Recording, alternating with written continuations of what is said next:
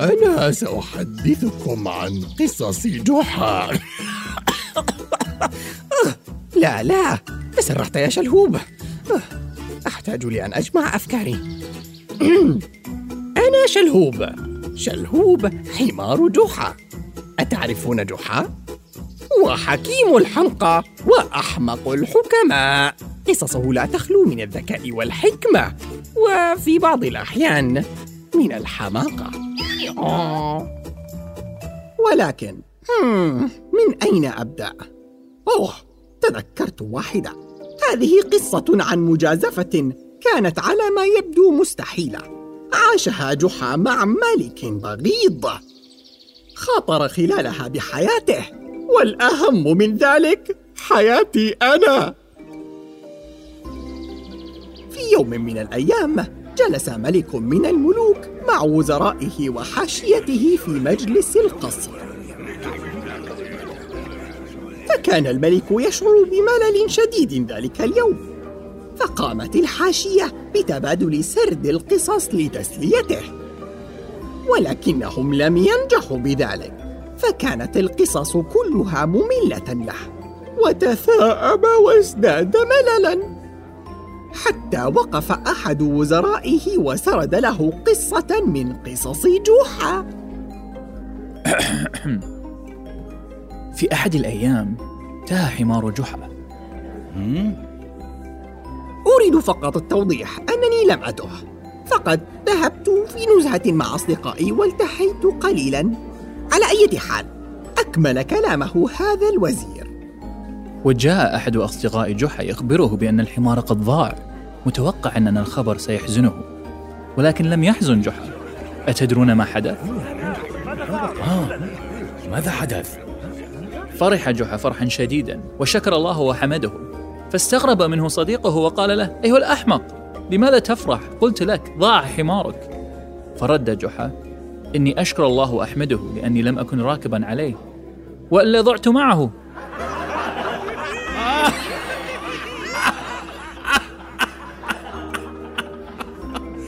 أضحكتني؟ أضحكتني من قلبي. يا له من رجل حكيم.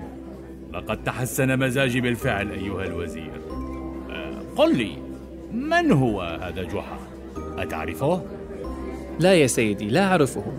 ولكن قصصه ذات شعبية عند العديد من سكان مملكتنا. مم. حسنا أريد مقابلة هذا الرجل الذي يدعى جحا. اذهب أيها الوزير وأحضره لي. دعونا نرى إن كان لديه المزيد من الحكمة والذكاء. فانحنى الوزير أمام الملك احتراما وذهب في طريقه إلى القرية ليبحث عن جحا. أسرع الوزير إلى القرية ليبحث عن جحا لأنه لم يرد أن يسوء مزاج الملك مرة أخرى فبحث عن جحا في الأسواق. وبين المنازل ووجده بعد أن دله أحدهم على منزل جحا. كان جحا يجلس في منزله يرتاح من يوم عمل طويل عندما سمع طرق الباب. لحظة لحظة. هانات. وقف الوزير ينتظر أن يفتح جحا الباب. ومعه خطاب من الملك. من أنت؟ أنا وزير الملك. وزير الملك؟ تفضل تفضل. شكرا. هل أنت الذي يدعى جحا؟ نعم أنا جحا. تفضل هذه الدعوة من الملك. دعوة من البلاط الملكي؟ ولكن قبل أن يتمكن جحا من الاستفسار أكثر كان قد دار الوزير وذهب في طريقه ففتح جحا الخطاب ولم يصدق عينيه. بالفعل كانت دعوة من الملك وفيها طلب لحضور جحا صباح اليوم القادم إلى قصر الملك. كم أنا سعيد بهذه الدعوة. غدا صباحا سأحضر للقاء الملك. لابد أنه يريد رأيي ببعض الأمور في المملكة. آخ يا لسذاجته لو عرف جحا المسكين الحقيقة لما فرح بهذا القدر. وفي صباح اليوم الثاني تناولنا فطورا شهيا وارتدى جحا أفضل ملابسه وقال لي هيا بنا يا شلهوب. ومشينا. أو في الحقيقة أنا مشيت. من فوق الجبال وعبر الوديان. وكان جحا سعيدا. وغنى وأنا غنيت معه طوال الطريق.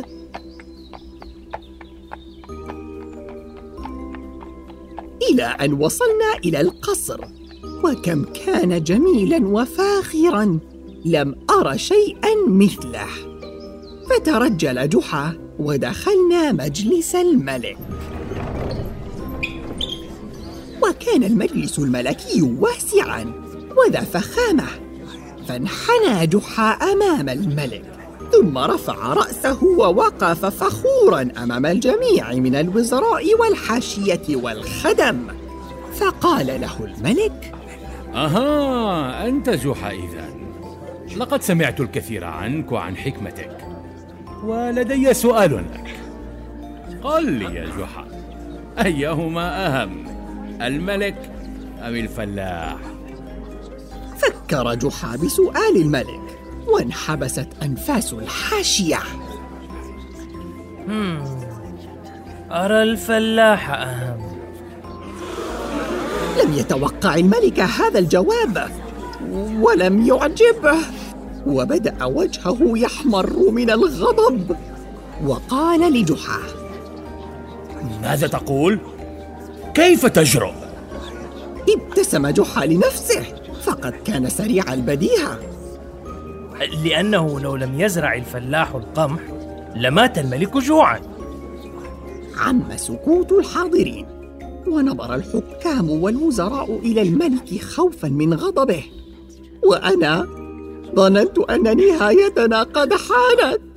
هذا سيكون آخر يوم في حياتنا. وفجأة.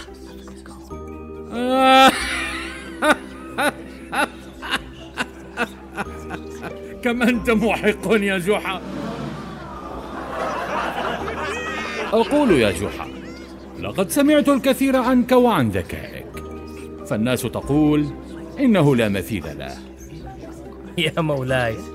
ما هذا إلا بدليل على ذكاء الناس؟ أحسنت أحسنت يا جحا أنت بالفعل مميز. ولكن أريد أن أرى مواهبك بنفسي. ما رأيك باختبار بسيط؟ تأهب الوزراء والحكام عند سماعهم هذا الطلب ولكن جحا شعر بالفضول. لأن المجنون كان يحب التحديات. فابتسم وقال كما تريد يا سيدي. حسنا يا جحا. هل أنت ذكي كفاية لتعلم حمارك القراءة؟ استغرب الجميع من هذا الطلب. كيف يعلمني أنا شلهوب؟ آه؟ القراءة. ولكن هدوء جحا لم يتزحزح. تظاهر بالتفكير قليلا. ثم ابتسم مرة أخرى وقال بهدوء بالطبع أستطيع. هذا من السهل فعله وهو أمر بسيط. بالطبع أستطيع تعليم الحمار القراءة. ولكن سنحتاج إلى ثماني سنوات فقط. وأعدك بأن يكون حماري هذا مستعدا للقراءة هتف الملك مستغربا ودهش كل من في المجلس وبمن فيهم أنا كيف سأتعلم أنا القراءة في ثمان سنوات؟ نعم ماذا تقول؟ ثماني سنوات؟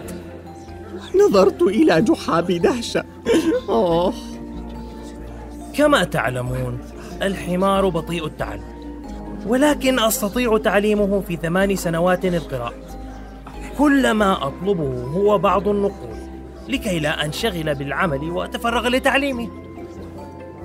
ارتبك الملك واحتار فلم يتوقع هذا الجواب من جحا ولم يكن بإمكانه الهروب من التحدي وهو صاحب الفكرة. حسنا حسنا. سأعطيك النقود. ولكن يا جحا ستعيد الحمار بعد ثمان سنوات وهو يقرأ. وإن فشلت في ذلك سألقي بك في السجن لتتعذب في الزنزانة يوميا. استمع جحا للملك بتأني وهز رأسه موافقا على هذا الشرط. بينما نظر الوزراء إلى بعضهم باستغراب وأنا صديقكم قد قلقت لأن مصير جحا الأحمق قد صار يعتمد على تعليم القراءة. وأخذ جحا كيس النقود الكبير ومشينا من فوق الجبال وعبر الوديان إلى القرية وكان جحا سعيدا وغنى.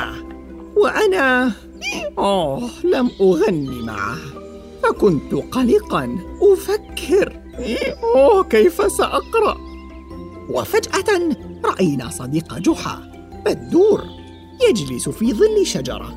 فنادى جحا وقال صباح الخير يا جحا.